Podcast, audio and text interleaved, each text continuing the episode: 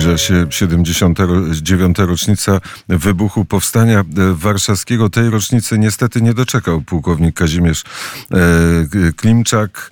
E, zmarł 14 lipca 2023 roku i był najstarszym e, powstańcem. 109 lat przeżył. Urodził się w 1914 roku, 15 lutego. Maciej Krzyżanowski, mecenas, jest przy telefonie. Dzień dobry, panie mecenasie.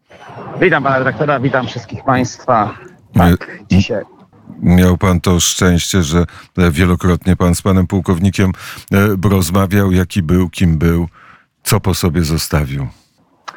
Tak, rzeczywiście jakoś miałem to wielkie szczęście, że, że udało mi się go kiedyś, kilka lat temu, dopiero kilka lat temu e, poznać, ale te, te kilka lat to było jednak wspaniała, wspaniały czas wspólnego przeżywania jego pięknego życia, opowiadania o tym życiu i przeżywania ogromnego kawału historii, bo przecież pan Kazimierz, pan pułkownik Kazimierz Klimczak, pseudonim Szron, to naprawdę chodząca historia całej Polski. Całej Polski jeszcze przedwojennej.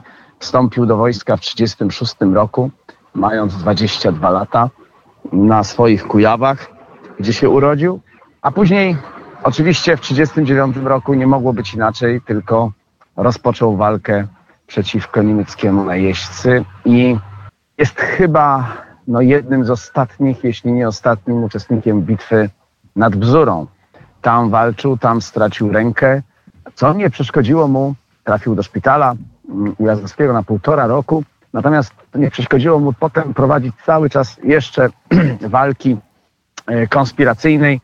E, aż oczywiście do powstania warszawskiego, ale wcześniej miał, miał wiele takich ciekawych epizodów podczas, podczas wojny, jak na przykład mm, przeprowadzanie e, dorożką e, Żydówki, która przypadkowo trafiła do mieszkania, które wynajmował i ta historię opowiadał wielokrotnie, jak tą Żydówkę udało mu się szczęśliwie przeprowadzić, pomimo nawet e, złapania przez policję niemiecką, ale wy, jakoś wytłumaczył, miała ta, ta, ta Żydówka miała kartę, kartę tak zwaną mm, na zakłady tytoniowe, gdzie pracował pan właśnie, pan Kazimierz.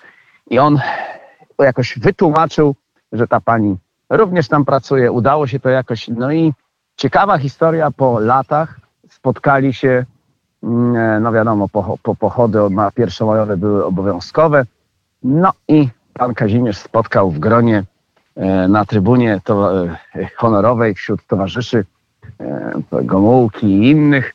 Spotkał panią swoją, to, swoją, swoją tą Żydówkę właśnie, która była bardzo, mm, że tak powiem, chciała mu się odwdzięczyć i zaproponowała mu stanowisko w jednym, w jednym z oddziałów Urzędu Bezpieczeństwa. Pan Kazimierz stanowczo odmówił, no, była bardzo zdziwiona tym faktem, że nie chce przyjąć takiego stanowiska, nie chce wybrać wolności. No, ale to właśnie jedna z tych historii. No, mnóstwo innych, całe, cała, cała, całe, całe y, historie związane z powstaniem warszawskim, jak walczył. Miał już wtedy 30 lat, miał pod sobą wielu młodych chłopców, którzy mieli po 15, 17, ale był też taki, który nawet pamięta takiego, który miał 12 lat, on stanowczo nie pozwolił mu tej walki prowadzić, ale ten młody chłopiec jednak chciał być łącznikiem i spisywał się znakomicie. Naprawdę żal, ogromny żal, że tych historii, tych wspomnień, tych wieczorów już razem nie będzie. No ale miał prawo. 109 lat, 5 miesięcy to już jest rzeczywiście absolutna, otwarta droga do Pana Boga. No dzisiaj o godzinie 12.30 w katedrze e, polowej e, Wojska Polskiego E, pożegnamy pana pułkownika. Tak, o 12.30 w katedrze polowej mm, Wojska Polskiego e, rozpocznie się ceremonia żałobna pod przewodnictwem biskupa polowego, biskupa mm, Lechowicza. E, później chcemy, i myślę, że się to uda, chcemy wyprowadzić pana, pana pułkownika trumnę pod pomnik powstańców warszawskich naprzeciw katedry i tam kapela, która jest przygotowana, kapela ta, która gra piękne warszawskie melodie, warszawskie piosenki powstańcze, które pan Kazimierz uwielbiał, bo on był człowiekiem nie tylko opowiadającym w domu, nie opowiadającym w szkole młodzieży, ale on również był tym, który brał udział we wszystkich praktycznie uroczystościach e, państwowych i patriotycznych praktycznie do samego końca. Jeszcze kilka miesięcy temu e, wychodził z domu i jeszcze na, na uroczystości e, 3 maja, jeszcze wcześniej na uroczystości 15 sierpnia Wojska Polskiego widzieliśmy go na, na placu Piłsudskiego obok pana prezydenta, który go zawsze zapraszał, którym, na którym na zaprzysiężeniu pana prezydenta również e, był obecny jako najstarszy żołnierz e, Polski. Nie wyobrażał sobie, że nie może uczestniczyć i bardzo był zły, kiedy, kiedy się troszkę gorzej czuł i kiedy coś nie mógł pójść, ale był tym taką osobą, która chciała być do końca zaangażowana w te najważniejsze daty dla Polski, te uroczystości i on właśnie jedną z takich no, dat, oczywiście dla niego jednych z najważniejszych w życiu był 1 sierpnia i on w czasie tych uroczystości brał wielokrotnie udział i to po kilka godzin. Pamiętam kilka lat temu wychodziliśmy z Powązek prawie trzy godziny, bo on z każdą osobą, mimo że był na wózku inwalidzkim, ale z każdą osobą porozmawiał, z każdej coś opowiedział, ka- każdej się uśmiechnął, z każdą zrobił zdjęcie i tak wychodziliśmy z tych powązek po kilkugodzinnych uroczystościach i nie, nie mogłem uwierzyć, że 106-letnia czy 107-letnia osoba e, jest tak, tak silna, tak mocna i tak dziarska.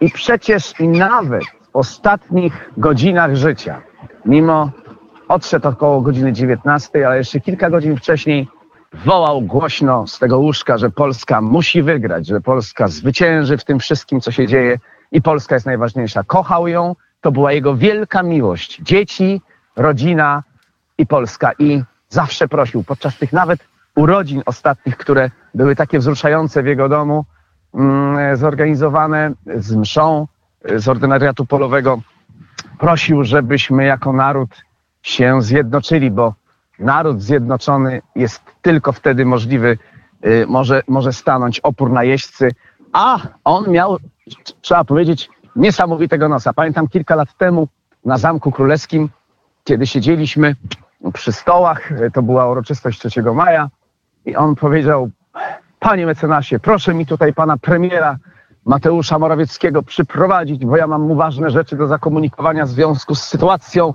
jaką Rosja szykuje na świat. No proszę. To brzmiało to tak troszkę humorystycznie. Pan premier oczywiście przyszedł, wysłuchał, ale proszę popatrzeć, jakiego nosa miał pułkownik Klimczak. Jakie wyczucie. W 1936 roku e, wstąpił do e, Wojska Polskiego pułkownik Kazimierz Klimczak. Dzisiaj żegnamy pana pułkownika o godzinie 12.30 w Katedrze e, Polowej.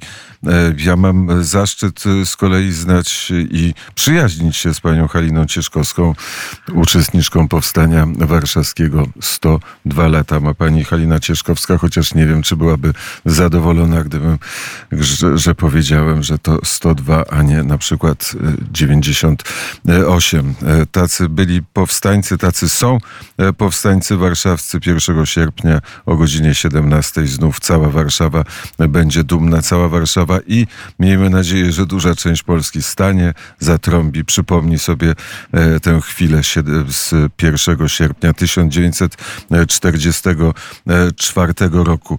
E, Panie mecenasie, mecenas Maciej Krzyżanowski jest e, przy telefonie. Mamy krótki fragment rozmowy i wywiadu, którego pan pułkownik udzielił Radiu Wnet. Teraz go posłuchamy, a panu bardzo serdecznie dziękuję za rozmowę. Na Słowickim polu świecą ranne nocy. Migają się surku kosmlerskie kosy. Migają się kosy, ich nie liczy wroga. Chodzi o będzie sto tysięcy pójdzie w imię Boga. Święconą szablicą Kościuszko z Pawęzu rozwinął. Na tym jednym skrzydle parskają koniki, a na drugim Mazolicki sprawuje, pułkownik Mazolicki sprawuje szczeki. Tam zajączek stoi, puszczą chorągiewki, wygasłoną pozwolę. Rolina Moskali, jeden i drugi, machnęło się pole trupów, a krwi płynuły drugi. Widzi pan Kościuszko, to jest wieczne moje, nie zakrzyknie.